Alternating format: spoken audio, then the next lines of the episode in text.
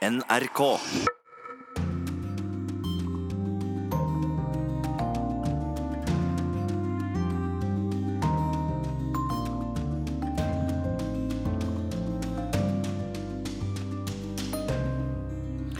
Uroen fortsetter på grensen mellom Gaza og Israel. Vi får straks en oppdatering her i Urix på lørdag.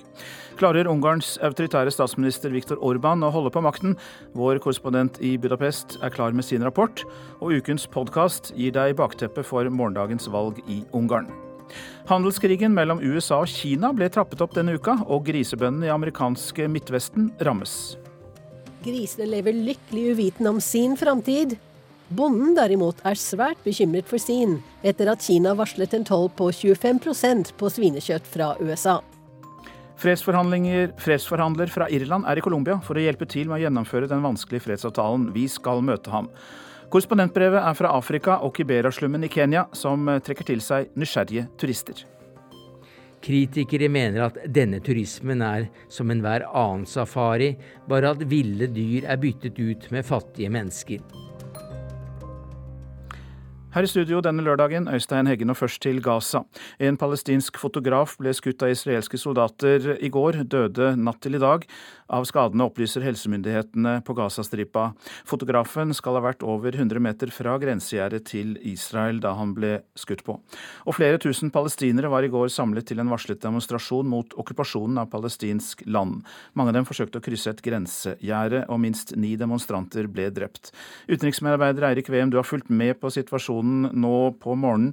Hva mer vet vi om det som skjer langs denne grensen? Det er jo en uh, uoversiktlig og urolig situasjon. Um, denne TV-fotografen, uh, denne hendelsen har vekket uh, stor internasjonal oppmerksomhet. Han het Yasser Murtaya, han var kjent. Han jobbet for flere internasjonale medieaktører. I går var han på jobb. Han sto, som du sier, langt unna dette grensegjerdet. Han hadde på seg en skuddsikker vest, merket med presse, men ble altså da skutt og døde i natt. Kulen skal ha kommet seg inn på et litt ubeskyttet uh, område på disse vestene, altså i armhulen eller nederst i mageregionen, vi er litt usikre. Men uh, det var dødelig, og han, han, døde altså i natt. Årsaken til at han ble skutt, det vet vi ikke. Men bildene fra dette området viser at det er fullstendig kaos. Palestinerne de tenner opp bildekk. Hele området blir tåkelagt med svart røyk. Det gjøres for at det skal bli vanskelig for skarpskytterne fra israelsk side å ta ut målene sine, altså drepe de de sikter på, men øker også risikoen for at de tar feil. Gi oss noe av bakgrunnen. Hva er det egentlig som pågår? Årsaken til disse demonstrasjonene som nå har pågått en stund, det er et krav fra Hamas og palestinerne i Gaza om at blokaden av dette området det skal, eh, det skal, den skal oppheves. De krever også å få lov til å vende tilbake til eh, Israel, altså inn på israelsk område. Det nekter israelerne. Så blir det bråk. Mange palestinere har forsøkt å storme disse grensegjerdene. Eh, israelerne, hevder at de skyter kun Hamas-terrorister som forsøker å snike seg, seg, inn, men i går så vi da at det, det er også andre som ble drept, nå da en journalist. Det har varslet mer, flere protester. Hvordan kan det utvikle seg? Ja, Det er venta mer uro. Og det som er sikkert, er at hvis disse demonstrasjonene blir like aggressive som de har vært til nå, og hvis israelske soldater ikke endrer på den kompromissløse strategien de har, så vil det bli flere drepte. Det kan roe seg, det kan eskalere. Det som uansett uh, kan skje, er at man begynner å gå på israelske mål, og da har vi det i gang, som vi har sett før, med krigshandlinger, og det kan bryte ut en, en stor konflikt igjen. Mange takk skal du ha, utenriksmedarbeider Eirik Veum, som følger med på situasjonen ved Gaza.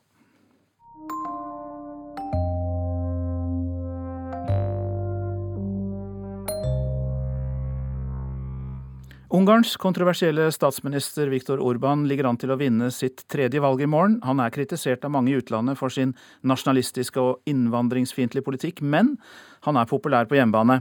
Korrespondent Guri Nordstrøm, du er i Budapest, og hva viser de siste meningsmålingene? Det problematiske med meningsmålingene her er at det er stor varianse mellom dem. Flere av dem er også åpenbart knytta til regjeringen og må tas med en klype salt. Men det som synes å være klart, er at regjeringspartiet Fidesz gjør gjenvalg, og så er spørsmålet hvor stort flertall de får. Hvilke saker har preget valgkampen? Innvandring vil jeg tro, men andre ting også kanskje? Ja, nei, Den altoverskyggende saken er innvandring, og at Ungarn kan bli invadert av farlige og ulovlige migranter dersom EU får gjennom sitt krav om at asylsøkere skal fordeles etter et kvotesystem mellom medlemslandene. Det blir fortalt at dette ikke bare er en fare for rikets sikkerhet, men at det også vil koste landet så mye at det vil gå utover folks pensjoner. Og Jeg var på avslutningskampanjen til Orban i byen der han ble født, Tsjekkoslovakia, eh, i går. Og der gjentok han dette budskapet til stor applaus blant de titusener fremmøtte som var der. Hvor bred denne anti-innvandringskampanjen er, det har også nå vist seg i en sak i avisa Telegraph. De har fått tak i en e-post fra en høyerestående tjenesteperson i Utenriksdepartementet her, der vedkommende ber diplomater som jobber på ungarske ambassader rundt om i Europa, om å samle negative historier om migrantene der de bor, som kan brukes i valgkampen her i uh, Ungarn. Orban er omstridt. Eh, hvordan har hans styre i åtte år nå endret Ungarn? At tilhengerne hans eh, peker på at statsgjelden er redusert, veksten er firedoblet, lønningene vokser, arbeidsledigheten er lav. Men motstanderne og representanter for sivilsamfunnet peker på at det er blitt et stadig mer autoritært eh, styre. Valgloven er endret til regjeringspartiets fordel, mediene er stort sett statsstyrte, og det er også et problem med korrupsjon og sammenvevde interesser. Et fåtall mektige med gode forbindelser er også blitt svært eh, rike. Og det som er påfallende akkurat nå, er at det meldes om stor stor frykt i samfunnet.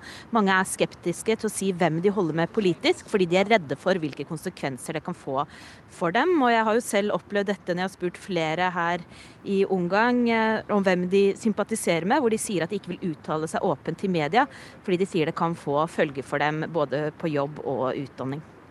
Takk skal du ha, Guri Nordstrøm, som følger med på dette valget fra Budapest for oss. Og du får vite mer om Viktor Urban og ungarsk politikk i vår podkast litt seinere i Urix på lørdag.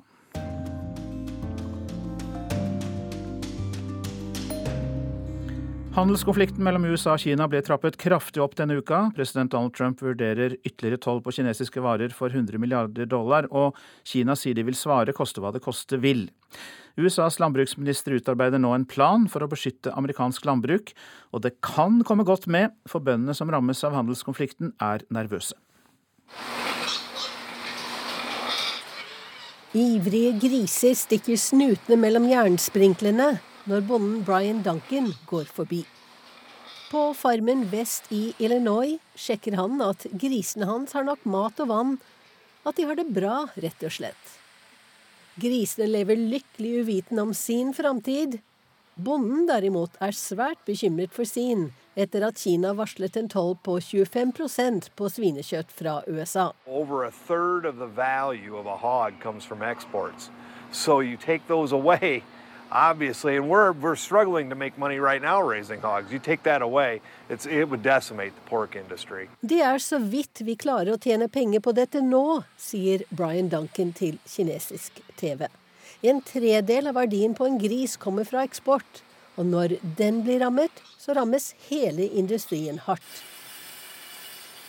Kina er USAs nest største marked når det gjelder eksport av svin.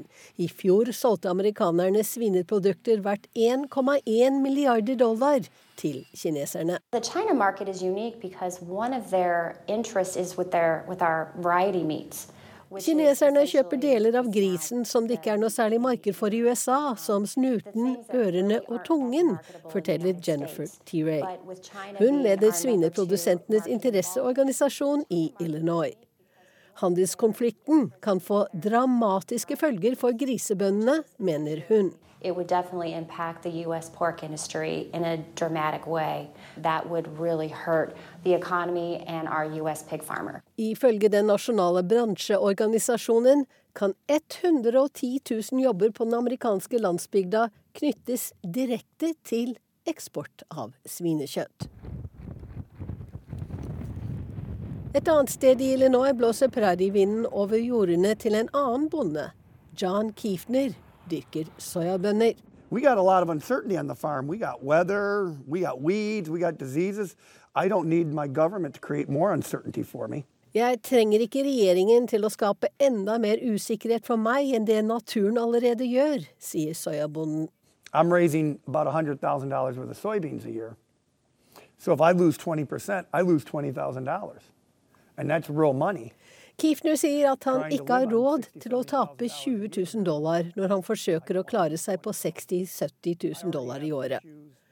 Det er det han frykter hvis Kina gjør alvor av å innføre 25% toll på amerikanske soyabønner, som svar på USAs handelsproteksjonistiske initiativ. Og soya er en enda viktigere eksportvare enn svin. Kina kjøper omtrent halvparten av soyabønnene som USA eksporterer. Det er snakk om 14 milliarder dollar. Innføringen av tollen vil ha en ødeleggende effekt på hver eneste soyabonde i Amerika, mener US Soybean Export Council. I don't want to dismiss it. I get it. I understand the anxieties, but let's just see. See, look. Let me repeat mantra. Jeg forstår bekymringene, sier Donald Trumps økonomiske rådgiver Larry Kudlow, og gjentar sitt mantra. Hvis dette går bra, kommer man til å finne gull i enden av regnbuen.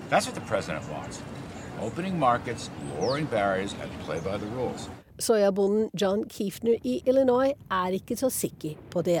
Several other times we've tried to uh, influence countries Kiefner viser til at USA også tidligere har brukt handelspolitiske trusler for å forsøke å påvirke andre land. Men jeg tror aldri det har virket, sier han, og legger til. Jeg har mange ganger latt tvilen komme tidligere presidenter til gode, fordi jeg tar det for gitt at de kan mer enn meg. Men I've got to assume they're much smarter than me. But I would say that uh, if he can't help farmers, maybe he should quit doing things that are hurting us. Wenche Eriksen hadde laget denne reportasjen, og eh, slutt å foreta deg ting som skader oss, det var budskapet til Donald Trump fra denne bonden vi nettopp hørte. Tollkrigen ble trappet opp dag for dag denne uka, nye tariffer varsles på flere varer. Og velkommen Ola Storeng, tidligere økonomiredaktør i Aftenposten. Takk. Hva blir virkningene? Eh det, de er på flere plan, og de kan være dramatiske. For det første er det faren for at vi får en handelskrig, at de truslene som nå ligger på bordet, blir iverksatt. Da står vi overfor en konflikt av et omfang som vi ikke har sett handelskrig av et omfang som vi ikke har sett etter annen verdenskrig, og vi vet jo da heller ikke hvordan den slutter. slutter. Men det andre er at eh, også selve de, de regelverket som styrer internasjonal handel, autoriteten til Verdens handelsorganisasjon, undergraves. Og det kan få ganske dramatiske følger for særlig små land som Norge. Du skrev i Aftenposten eh, i påsken, du skrev det vel før påske, antar jeg. Antagelig blir det ikke handelskrig likevel. Eh, er du fortsatt sikker på det? Eh, jeg er i hvert fall mindre sikker på det. Og det jeg tenkte på da, er nå utviklingen de nærmeste månedene. Vil, vil det smelle før sommerferien, for å si det på den måten? Jeg skrev det på det tidspunktet hvor hvor Trump hadde varslet eh, toll på stål, men ikke på noe annet. Og, eh, men resonnementet bygde litt på det vi nå hørte i dette innslaget. Eh, at, at det er slik at hvis du legger på toll, så vil det Så er det altså Det er ikke eksporterende landet, men det er de som bor i landet, som må betale. Du kan hjelpe en industri til å kunne øke sine priser ved hjelp av eh, tollbeskyttelse. Men samtidig gjør det jo da varene som forbrukere og resten av næringslivet skal kjøpe, altså innsatsvarer, f.eks. stål og aluminium, dyrere. Så mitt resonnement er nok at eh, den, eh, den, de sterkeste motkreftene mot Trump, det vil være i amerikansk næringsliv. Og så kommer i tillegg at når da Kina setter inn mottiltak, sånn som nå det er varslet for landbruksprodukter, så vil også det få mange amerikanere til å reise bust.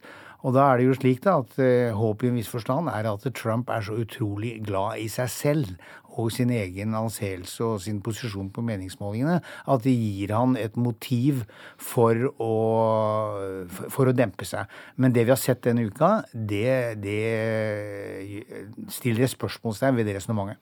Ja, for det virker jo som han trapper opp og er mer uforsonlig enn noen gang. Ja, det, det, er det ene inntrykket du får. Og det andre inntrykket du får, er at det er kaos i den amerikanske administrasjonen. Altså denne uka, så På tirsdagen var det, på dag to, det var noen dårlige nyheter på dag én òg, så varslet altså Trump øh, at han vil ilegge toll på import fra USA på varer for i alt 50 milliarder øh, dollar. Og så Eh, og så ble markedene, finansmarkedene, livredde da kineserne svarte med, med samme mynt dagen etterpå. Og da sender da da sender altså Trump ut sin nye økonomiske rådgiver, Larry Cudlow, som beroliger. Nei, dette er bare et forhandlingsutspill.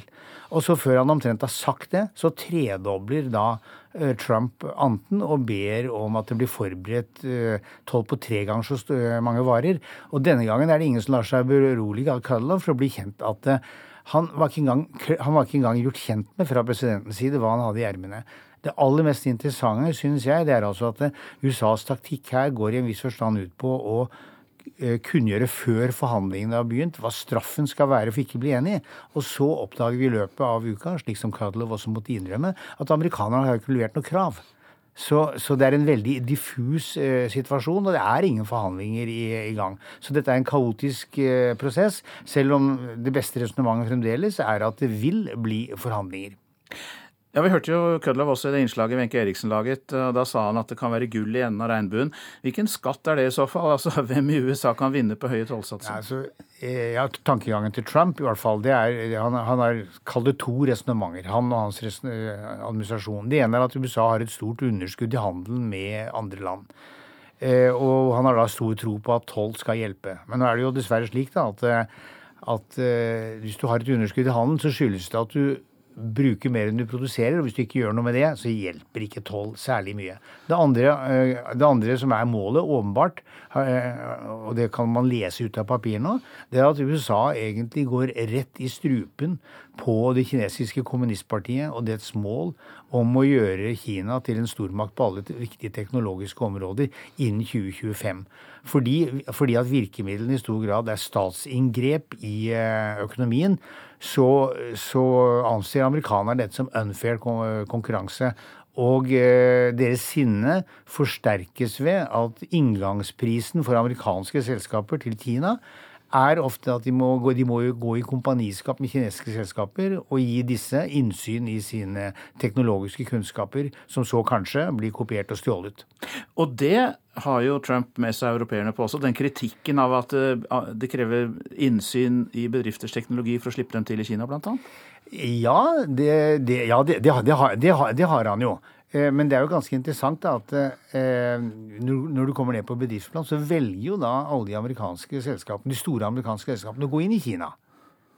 Ja, de, de, så det er jo kanskje en, dette, ja. det er en pakt med djevelen. Men om det kunne komme en liten parallell. Norge på 70-80-tallet. Prisen for å komme inn i Nordsjøen var jo også at man samarbeidet med, med norske selskaper. Men det ble jo forbudt da vi fikk EØS-avtalen. Eh, så den type oppførsel som eh, som uh, kineserne her driver med, den, er, den, er, den står seg jo ikke altfor godt. Men her er jo WTO-regelverket også dessverre ikke særlig godt utviklet.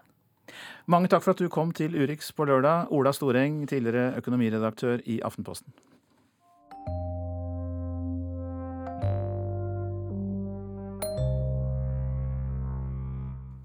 For 20 år siden så fikk Nord-Irland sin fredsavtale. Nå er en rådgiver fra Irlands regjering i Colombia for å gi råd når fredsavtalen der skal gjennomføres. FN advarte før påske om at den internasjonale straffedomstolen kan komme til å gripe inn hvis ikke myndighetene gjør mer. Den irske rådgiveren Patrick Colgan mener man må se på alle fremskrittene som er gjort i Colombia, framfor det krevende som fortsatt mangler. the peace process here is going through a difficult time. But if you even only were to put into place the whole political context in which we are. Det er en eh, vanskelig tid, erkjenner Patrick Colgan, men eh, understreker, der han sitter foran datamaskinen i et eh, åpent atrium ved stedet som kalles Fredens hus, 40 km fra flyplassen i Bogotá, at det nå er valg her i Colombia.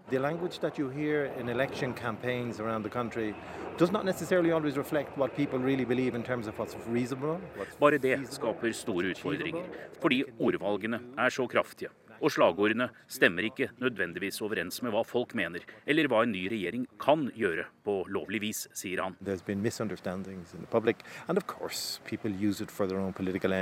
Bogotas gatelys og ledige vegger er dekket med opposisjonsplakater foran presidentvalget i mai.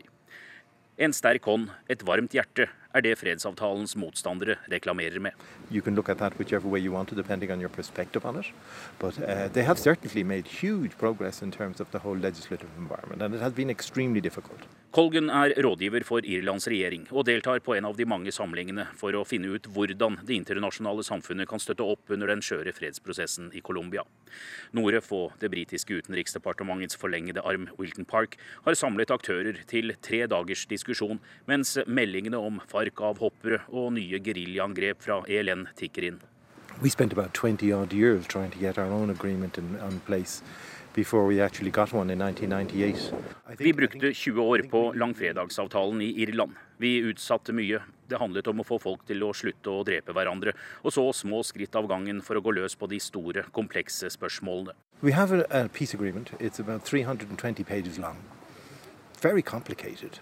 Addressing issues which we would never have dared to try and address in our 30-page peace agreement back in 1998. Colombias avtale er omfattende og krevende.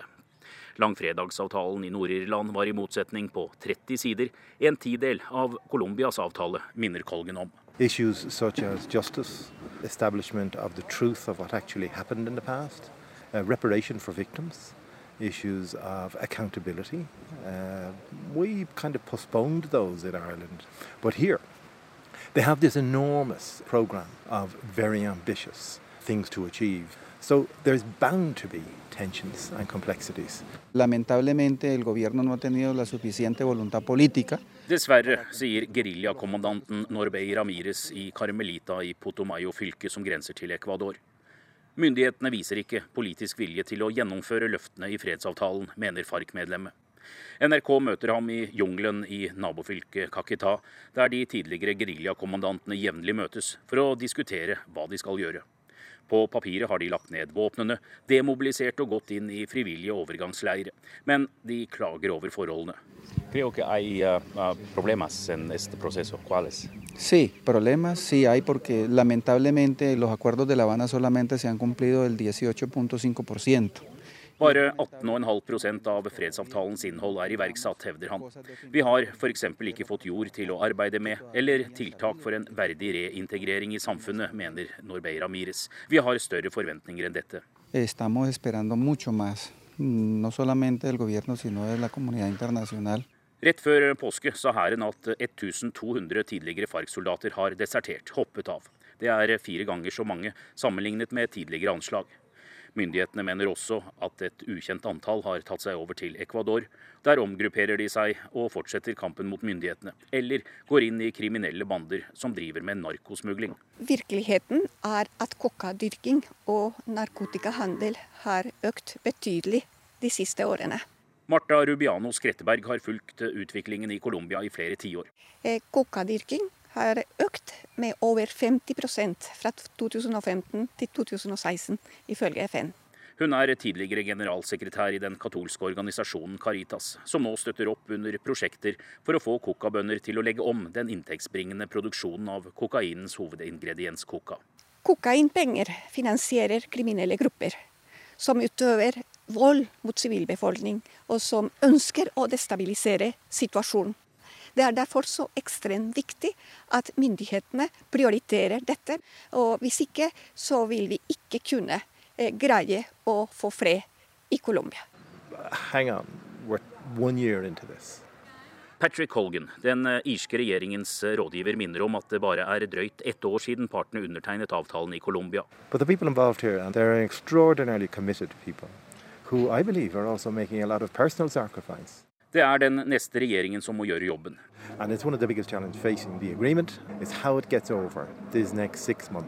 Men han mener Colombia har kommet såpass langt at det ikke er en vei tilbake. Det er staten som har signert, registrert avtalen i Haagdomstolen og hos FN. Det er Colombias integritet og tillit som står på spill. I think there's a momentum there that hopefully we'll be able to keep. FNs høykommissær for menneskeretter har langet ut mot myndighetene her. I en eh, rapport før påske heter det at FN er ekstremt bekymret over økningen i antall drap på sivile ledere. Regjeringen får skylda for å vise manglende interesse for å gjennomføre og beskytte avtalen, og at korrupsjon forsinker og ødelegger. FN-kontoret truer med å stille myndighetene for den internasjonale straffedomstolen om ikke kursen endres. We're talking about an agreement between the FARC and not between the FARC and a government. And that state has an international position to, to protect and respect regardless of what happens on the political cycle. It's the same as our Good Friday Agreement in Ireland had, which is you don't go back from that. You know, it's sacred. Ja, du har en plikt til å følge opp avtalen, sa den irske rådgiveren Patrick Colgan til vår reporter Anders Tvegård, som rapporterte fra Colombia. Og statsminister Erna Solberg besøker Colombia på mandag, der fredsprosessen blir et av temaene hun skal drøfte.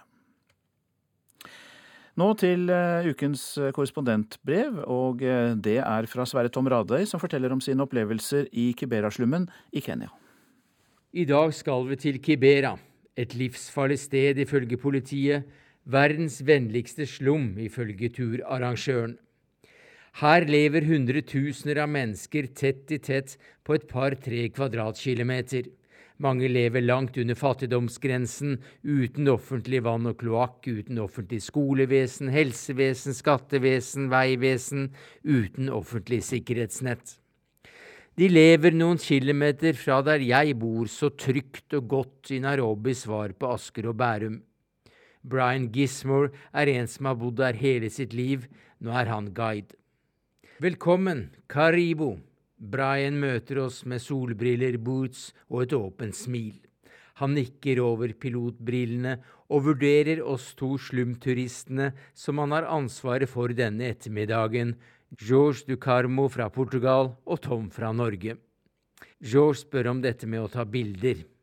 Spør folk først, det er vanlig høflighet også blant oss fattige, sier Brian. Så begynner vi å gå.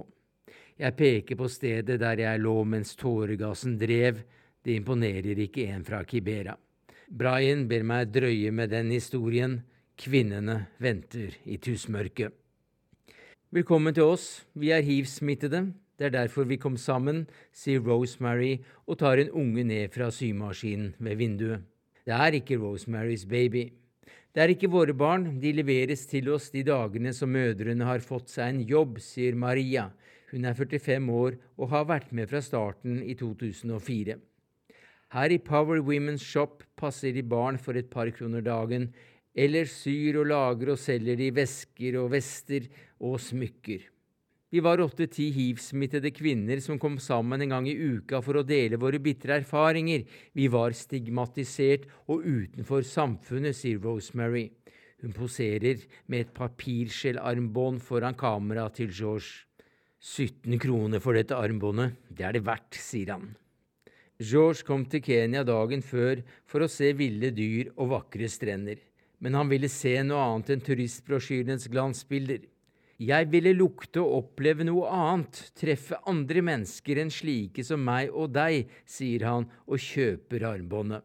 Power Women Shop står på lista over steder som guidene i Kibera Tours viser oss slumturister. Turen koster 200 kroner og tar mellom to og fire timer. Kibera har i årevis blitt kalt for Afrikas største slum, men har antagelig aldri vært det. Myndighetene vil at færrest mulig bor her, så de påstår at en folketelling har satt tallet til 200 000, mens hjelpeorganisasjonene gjerne vil jazze tallet opp for å øke pengestrømmen og mener tallet er opp mot to millioner, sier Brian. Det hele startet da britene ga nubiske krigere fra Sudan noen jordflekker mot en gang Forest som takk for hjelpen under første verdenskrig.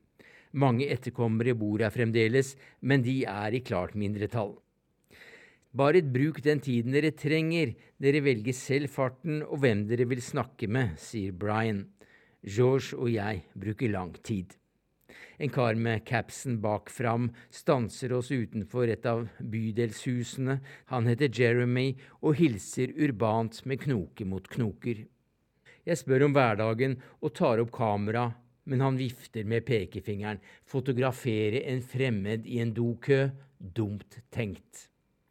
Sånne som meg våkner opp et eller annet sted, drar til mor når vi er sultne, hvis vi har en, eller et annet familiemedlem eller en venn henger rundt, drar til et senter som en frivillig organisasjon har etablert, spiller et dataspill, kanskje litt løkkefotball, henger rundt, prøver å tjene litt penger, sover litt, prøver å få tak i noe mat, noe å røyke på, jeg sniffer ikke, så sover vi, vi våkner, sier Jeremy. Mellom slaktebutikker, frisørsalonger og kullselgere hopper vi nedover smugene fra én tørr flekk til en annen.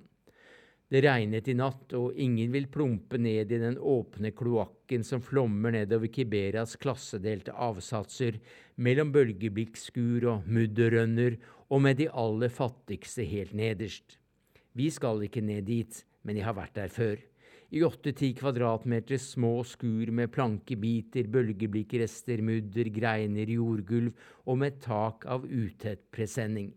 Slik bor mange alenemødre med barn for rundt 80 kroner måneden. Jeg forteller guiden Brian om de mange jeg har møtt fra Kibera som er stolte over å være herfra, og sier det virker svært rart på oss med det lille vi vet om hvordan folk bor og lever. Han sier at de fleste forsvarer bydelen når kritikken kommer utenfra, men at nesten alle som bor her, ville flyttet med en gang om de fikk råd til det. Vi passerer skilt med en nærradio, opplæringsinstitusjoner, en ballettskole, musikkakademier, studioer, kunstskoler, workshops og sportsklubber. Det skal finnes flere hundre hjelpeorganisasjoner i Kibera. Det er delte meninger her om slike organisasjoner, slik det er delte meninger om slumturisme. Vi stanser ved fettgryta til Grace i Kianda Road Potetskiver putres safrangule i frityren til 80 øre porsjonen. Salt er inkludert, ketsjup koster ekstra. Hva jeg synes om at rike turister guides rundt i Kibera? Jo, det liker jeg godt, sier Grace og nikker mot mynten hun fikk som betaling. Man regner med at én million turister tas med rundt i all verdens slumområder i året, og at tallet øker. Kritikere mener at denne turismen er som enhver annen safari, bare at ville dyr er byttet ut med fattige mennesker. I New York Times skrev en ung mann fra Kibera om da han sto der sulten i sitt eget skur og så ned i den tomme tallerkenen. Plutselig kom det en hvit kvinne og tok bilde av meg. Jeg følte meg som en tiger i bur. Før jeg rakk å si noe, hadde hun gått videre. Hvor mange jeg fikk til å føle seg som ville dyr i bur, vet jeg ikke, og jeg har vært her før og fotografert. Kibera er nemlig ikke bare bydelen med flest kriminelle gjenger og, og, en av byens farligste områder ifølge politiet, det er også den politiske kruttønna i Kenya med kortest lunte. De fleste tilhører en befolkningsgruppe uten politisk innflytelse, og her følger politisk tilhørighet ofte de etniske skillelinjene. Det er her opposisjonslederen Raila Odinga har sin maktbase. Et ord fra ham, og ungdommen i slumområdene mobiliseres. Sist jeg var her, så jeg den lave kveldssola trenge gjennom skyer av brente dekk og tåregass etter hvert. En ny gruppe demonstranter var ganske uventet kommet inn fra sideveien med steinslynger og finlandshetter. Retrettmuligheten vi regnet med var sperret av. Steinene hamret mot politiets tjukke plastskjold på valgdagen i oktober i fjor. Politiet svarte med tåregassgranater og skarpe skudd, og kampene varte noen lange kvarterer. Odinga hadde bedt folk boikotte valget. I Kibera turde ikke valgkommisjonærene engang åpne stemmelokalene. Ungdommen var for flinke med slyngene. Urolighetene ved valget i 2017 kostet liv. Avisene regner med mellom 100 og 200. Vi nærmer oss reisens slutt. Vi stikker innom Bombululu, et skjenkested med neonlys, 12-15 gjester og god stemning. En iskald halvliter tøsker, pils til tolv kroner, ja takk, det er med på å fordøye inntrykkene, sier George og skåler rundt. Portugal, Ronaldo naturligvis, ny skål rundt. Gjestene tilhører Kiberas middelklasse og feirer påsken med et glass sammen. De fattige må nøye seg med changa i smuget. Det er billig, ulovlig produsert alkohol med varierende metanolinnhold og årlige dødsofre. Vi snakker om slumturisme, og på puben er det ingen kritikere som står fram. George sier han skjønner at slike rundturer kan kritiseres, men når guidene er lokale, når de viser fram gode prosjekter, forteller oss om skikk og bruk og god fotoetikk, tar oss med inn i et hjem, kobler oss på mennesker her på stampuben, ja, da er det en øyeåpner og ikke en safari i elendighet, sier han. Han forteller om inntrykk han sitter igjen med, Om de lene ungene som slo på hjul bortenfor fettgryta, slik han selv hadde gjort hjemme i Portugal. Om hvor rene klær ungene har her. Om ressurssterke mennesker som ville ha kommet langt om de hadde fått sjansene vi fikk. Men det er lett å forskjønne fattigdommen etter en slik tur, sier han. Jeg takker for følget. Slumturisten George blir sittende litt til blant nye venner.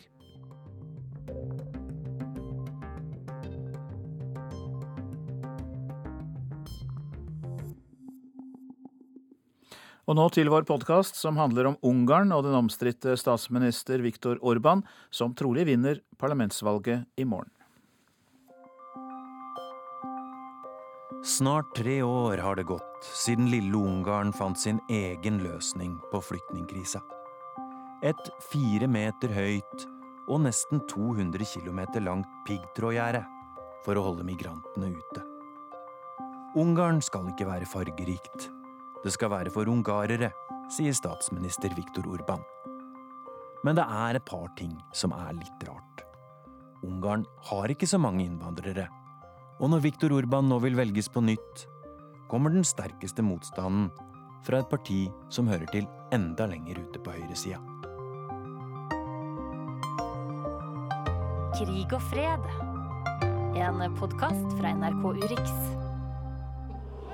Most azt akarják, hogy néhány évtized alatt önként adjuk át másoknak. Más földrészről érkező idegeneknek, akik nem beszélik a nyelvünket, nem tisztelik a kultúránkat, törvényeinket és... Det finnes krefter utenfra som prøver å ta over landet vårt. Folk som ikke respekterer vår kultur, våre lover eller vår levemåte, sier Viktor Urban. I åtte år har partiet hans styrt Ungarn med flertall alene. På søndag er det valg igjen. Mitt navn er Eva Sarfi. Jeg er universitetslektor i østeuropastudier ved Universitetet i Oslo. Og nå har du rett og slett fulgt valgkampen i Ungarn. Hvordan har det vært? Den er veldig spesiell, for å si det litt diplomatisk. Valgkampen Hvis du skal si det udiplomatisk, da? Nyhetene snakker bare om hvor farlig migrasjonskrisen er. Og at hvis velgerne ikke stemmer på nåværende regjeringsparti, altså Fides, så kommer landet til å bli overstrømmet av migranter. Og det kommer til å føre til at uh, Ungarn blir mye fattigere. I tillegg så det, blir det større fare for terror, kriminalitet, det blir utrygt i gatene.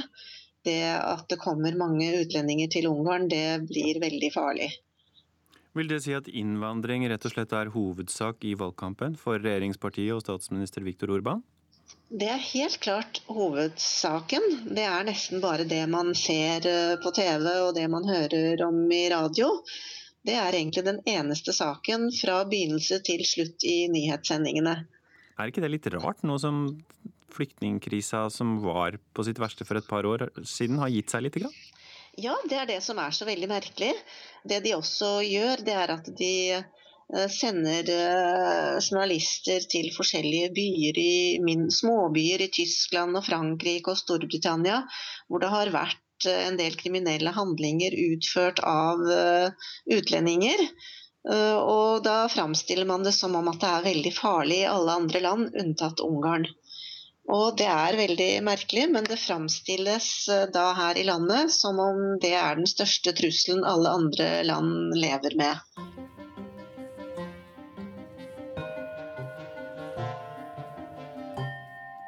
Ja, altså Under Viktor Orbans ledelse så har jo Fides gått fra å være et kristent konservativt parti til å bli et mer radikalt parti. Altså De har omfavnet en veldig ultranasjonalistisk agenda. Og dette gjorde han spesielt i møte med flyktningkrisen i 2015. Og da begynte han å omtale muslimer som en eksistensiell trussel mot den ungarske nasjonen. Og han er en av veldig få ledere i Europa, kanskje faktisk den eneste som jeg kommer på, som har omfavnet etnonasjonalisme. Dvs. Si at han mener at Ungarn skal være forbeholdt etniske ungarere, og at han ikke vil ha en nasjon bygget av eh, immigranter. Ja, jeg heter Katrine Torleifsson, og jeg er forsker ved Senter for ekstremismeforskning ved Universitetet i Oslo. Hvordan vil du beskrive Viktor Orban, egentlig?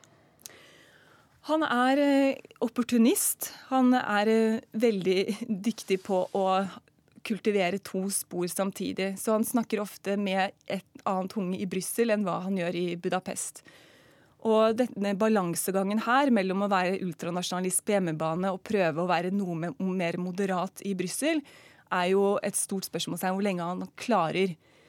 Og eh, nå har han også fått støtte fra mange av visegradlandene, altså Polen, Tsjekkia og Slovakia, som støtter hans politikk. Og han har også sagt at vi står for verdier som er glemt i Vest-Europa. Familie, ære, øh, sikkerhet osv. Ja, har han betydning og gjenklang utover Ungarns grenser? I hvert fall som et symbol. Eh, ikke nødvendigvis maktpolitisk, men eh, absolutt som en symbol som på en som går imot Brussel, mot de såkalte politisk korrekte liberale elitene. Og Jeg har fulgt en del av disse grupperingene i USA og Europa, og det er ofte referanser til Viktor Orban i veldig positive ordelag. Kan du forklare meg hva identitetspolitikk er for noen ting, egentlig? Det er en politisering av ulike identiteter. Det kan være etnisk identitet, religiøs identitet, eh, seksuell identitet. I tilfelle Ungarn, eh, når jeg snakker om identitetspolitikk der, så er det jo denne aktiveringen av etnonasjonalisme. At vår nasjon skal være forbeholdt såkalte rene etniske ungarere. Og Viktor Orban har sagt det flere ganger i år. Vi vil ikke være fargerike. Vi vil ikke være en nasjon bygget av immigranter. Og så bruker han eksempler fra Vest-Europa hvor det har vært mye migrasjon, og sier det eneste jeg ser der, er terror og parallellsamfunn. Så det er måten han bruker identitetspolitikk på, ved å lage veldig forenklete skremmebilder av migranter, spesielt fra muslimske majoritetsland, satt opp mot da nasjonen som er forestilt som ja, homogen og ren. Men samtidig så var det jo i kanskje 2015-2016 at flyktningkrisa var på sitt mest alvorlige, og strømmen av flyktninger til Europa generelt og Ungarn spesielt har vel avtatt etter den tid. Er det da bare et politisk grep å fortsette eh, å hamre på dette med, med innvandring? Det er det. Og den polske filosofen Sigmund Baumann han har sagt at du kan ha antisemittisme uten jøden. Det kan fungere som en sånn abstrakt kategori. Og Det samme ser vi nå, at du kan ha høy grad av fremmedfrykt uten at det er noen migranter der. Også i Polen og i Ungarn, begge de to landene, har det vært sterk politisk bruk av den muslimske migranten de siste årene, uten at det egentlig har vært noen spesielt øh, forekomst av øh, muslimske migranter der i de landene. Så det blir mer en sånn øh, kategori av mennesker som du kan bruke til skremselspropaganda, og som er veldig effektivt å mobilisere rundt. Og hele logikken som underbygger Viktor Orban sitt prosjekt nå, er ideen om at nasjonen er i fare, sivilisasjonen er i fare. Og det trengs en sterk mann til å redde Ungarn, men også den kristne vestne sivilisasjonen. Nå står jeg utenfor eh, Det sentraleuropeiske universitetet. Eh, Donau i ryggen, 100 meter ned. Og den store domkirken i Budapest foran meg. Og her er det vel en sånn 15 grader, og solen skinner, og en masse turister som vandrer rundt. Bybildet i Budapest har jo bare blitt vakrere og vakrere de siste ti årene.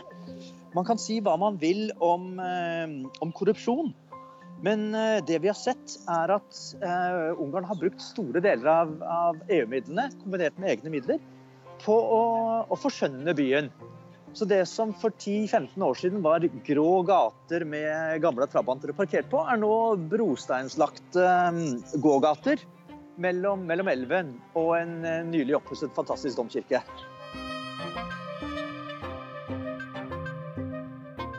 Jeg heter Nikolai Sitter. Jeg er professor på Handelshøyskolen BI og på Central European University i Budapest.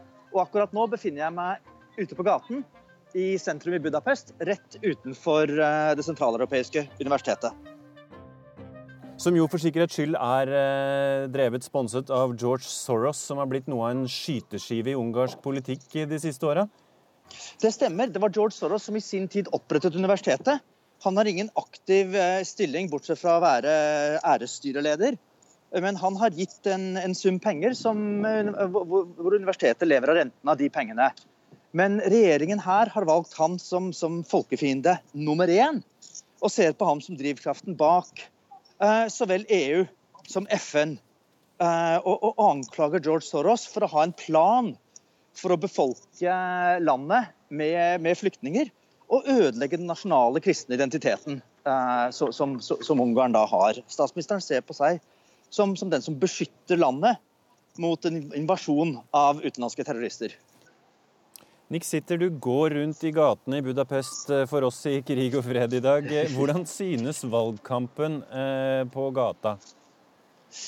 Det som er mest synlig på gata, er kampen mellom Jobbek, det partiet som er lengst til høyre, og Fides, regjeringspartiet. Det er disse to partiene som har ressurser til å sette opp store reklameplakater. Fides bruker både regjeringens informasjonsplakater og sine egne valgplakater eh, mer eller mindre, eller bokstavelig talt side om side. Mens Jobbik har støtte av en av de viktigste tidligere Fides-personene, uh, Lajos Simica, som, var, uh, som sto bak finansieringen av, av, Fides i den tidligere perioden, men som, som la seg ut med statsministeren for to år siden. Så Det er de to partiene som dominerer bildet. I tillegg har vi fire-fem små opposisjonspartier som, som setter opp små A4 eller A5 størrelse plakater. Men det er veldig mye de to store partiene som, som dominerer um, som genererer valgkampen på gata. På TV er det nok mer jevnt mellom uh, de, to, de, de to høyrepartiene og den samlede demokratiske opposisjonen på andre siden. Og det spørsmålet alle er opptatt av, er hvorvidt velgerne kommer til å stemme taktisk i enmannskretsene, som utgjør litt over halvparten av valgkretsene, og faktisk kan påføre Fides et nederlag, eller om velgere kommer til å stemme for sine partier og la Fides med la oss si 40% av stemmene vinne alle enmannskretsene. Ja, for Her har vel alle spådd at eh, Viktor Urban kom til å bli gjenvalgt, men eh, du skildrer på en måte nå at det er mer spennende enn man skulle ha trodd på forhånd? Ja, Viktor Orbán har jo bygget opp, eller Viktor Orbans parti har bygget opp um, bygget opp Fides som et statsbærende parti med kontroll på store deler av media. Og har skreddersydd valgstemme til, til, seg selv og har kontroll på valgkommisjonen. Så det var all grunn til å tro at de ville ha en lett seier i, ved dette valget. Men så var det et suppleringsvalg for, borger, for en borgermester her for eh, seks-syv uh, uker siden. Hvor, uh, hvor, hvor, opposisjonen, alle opposisjonspartiene oppfordret velgerne til å stemme på motkandidaten til Fides, og denne vant. Og Det har gitt alle opposisjonspartiene litt vann på mølla. Og mange, mange, velgere har nok skjønt at hvis de stemmer taktisk, så kan de faktisk, um, kan de faktisk kaste regjeringen. Og meningsmålingene som man skal ta med en klype salt, tilsier at selv om Fides er det største partiet, så ønsker et flertall av velgerne faktisk regjeringsskifte. Men det er en rar situasjon. Da har du to partier ute på høyresida som begge to er imot EU og imot eh, innvandring og spiller på en eh, nasjonalistisk eh, populisme. Hvorfor er disse to hovedkonkurrenter og, og ikke allierte? De kunne jo hatt full kontroll i fellesskap? Ja, Det som har skjedd, er at uh, i 2010 så vant uh, Viktor Orbans parti Fides to tredjeparter av mandatene med litt over 53% av stemmene. Så de trengte ingen allierte, verken til høyre eller til venstre. Og i perioden siden 2010 har eh, regjeringspartiet Fides faktisk tatt over mye av politikken til det mer høyreekstreme Jobbik. Og det som har skjedd, er at skillet på disse to partiene nå ikke ligger i politikken så mye som i hvem som skal lede landet. Jobbiks hovedanklage mot regjeringen er ikke at den er for langt til høyre eller for langt til venstre, eller for snill eller for, for, for myk eller for hard mot flyktninger, eller for myk eller hard mot EU. Men rett og slett at eh, regjeringen er korrupt og har bygget opp et oligarki eh, rundt seg og brukt EU-penger til å berike seg og sine. Så Det er det det står på mellom eh, Fides og Jobbik. Kort sagt så sier Fides at de er de eneste som kan redde landet fra flyktninger og terrorister, og EU som ønsker å ta penger fra folket og gi det til flyktninger og terrorister. Mens Jobbik sier at de er de eneste som kan redde landet fra en korrupt elite som stjeler og kommer til å fortsette å stjele. Det er, eh, det er hovedslagordene til de to store partiene.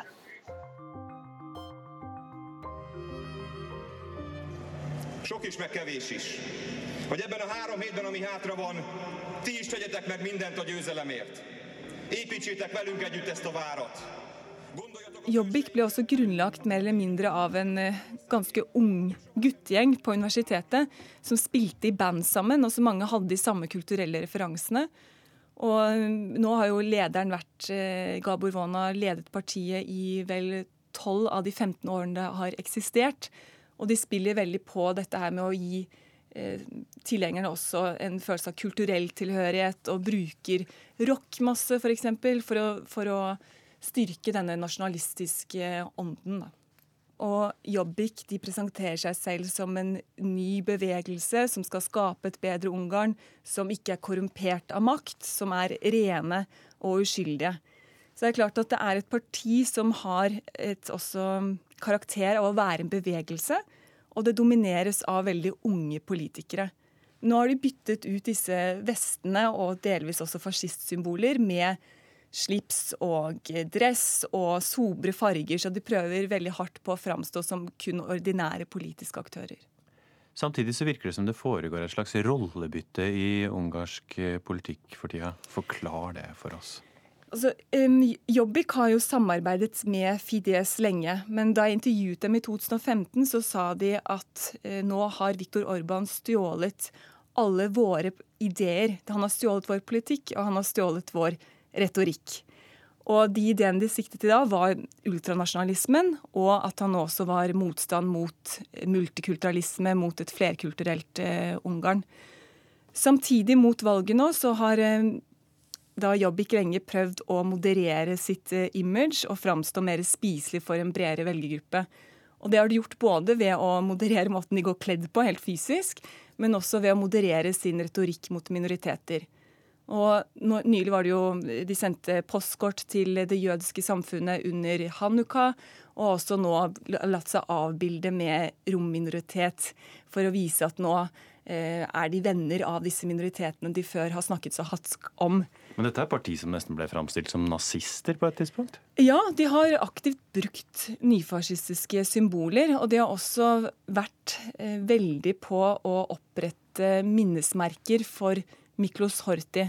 Dette var da en som var eh, alliert med Hitler under andre verdenskrig, og også ansvarlig for veldig mye antijødisk lovgivning i mellomkrigstiden. Og det er klart at dette er veldig kontroversielt i et land hvor folkemordet på ungarske jøder og jøder også fremdeles er i levende minne.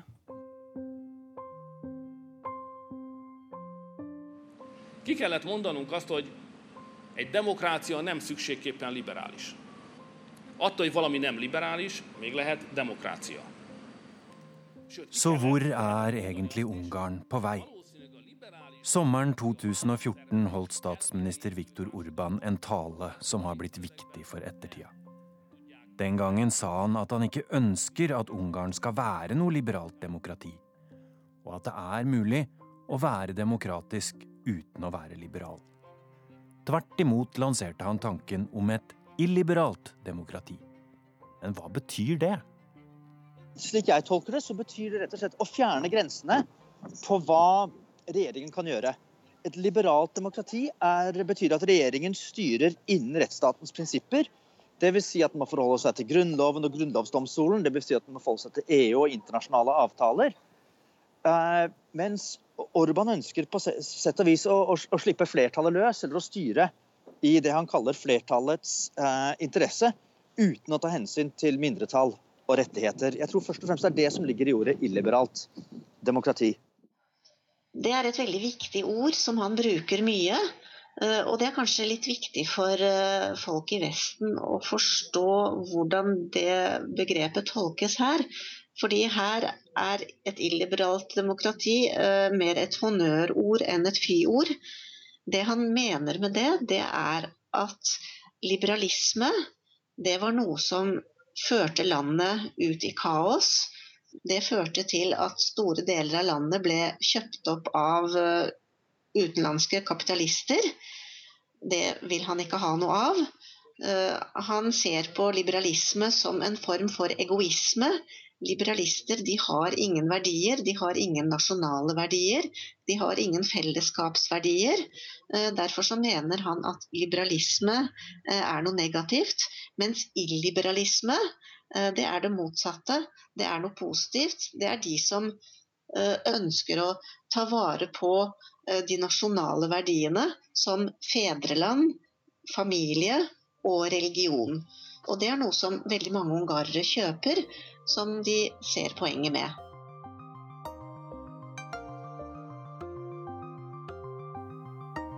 Du har hørt podkasten Krig og fred med Tore Moland.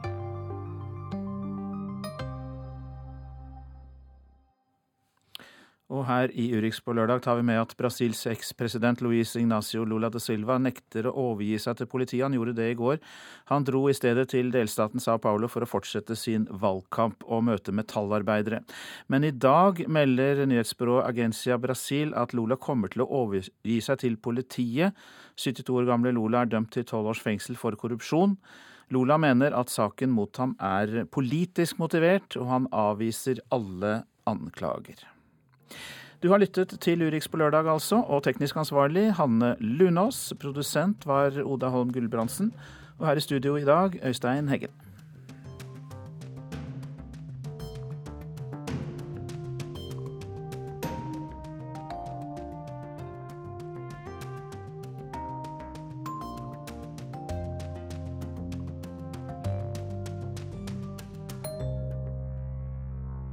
NRK.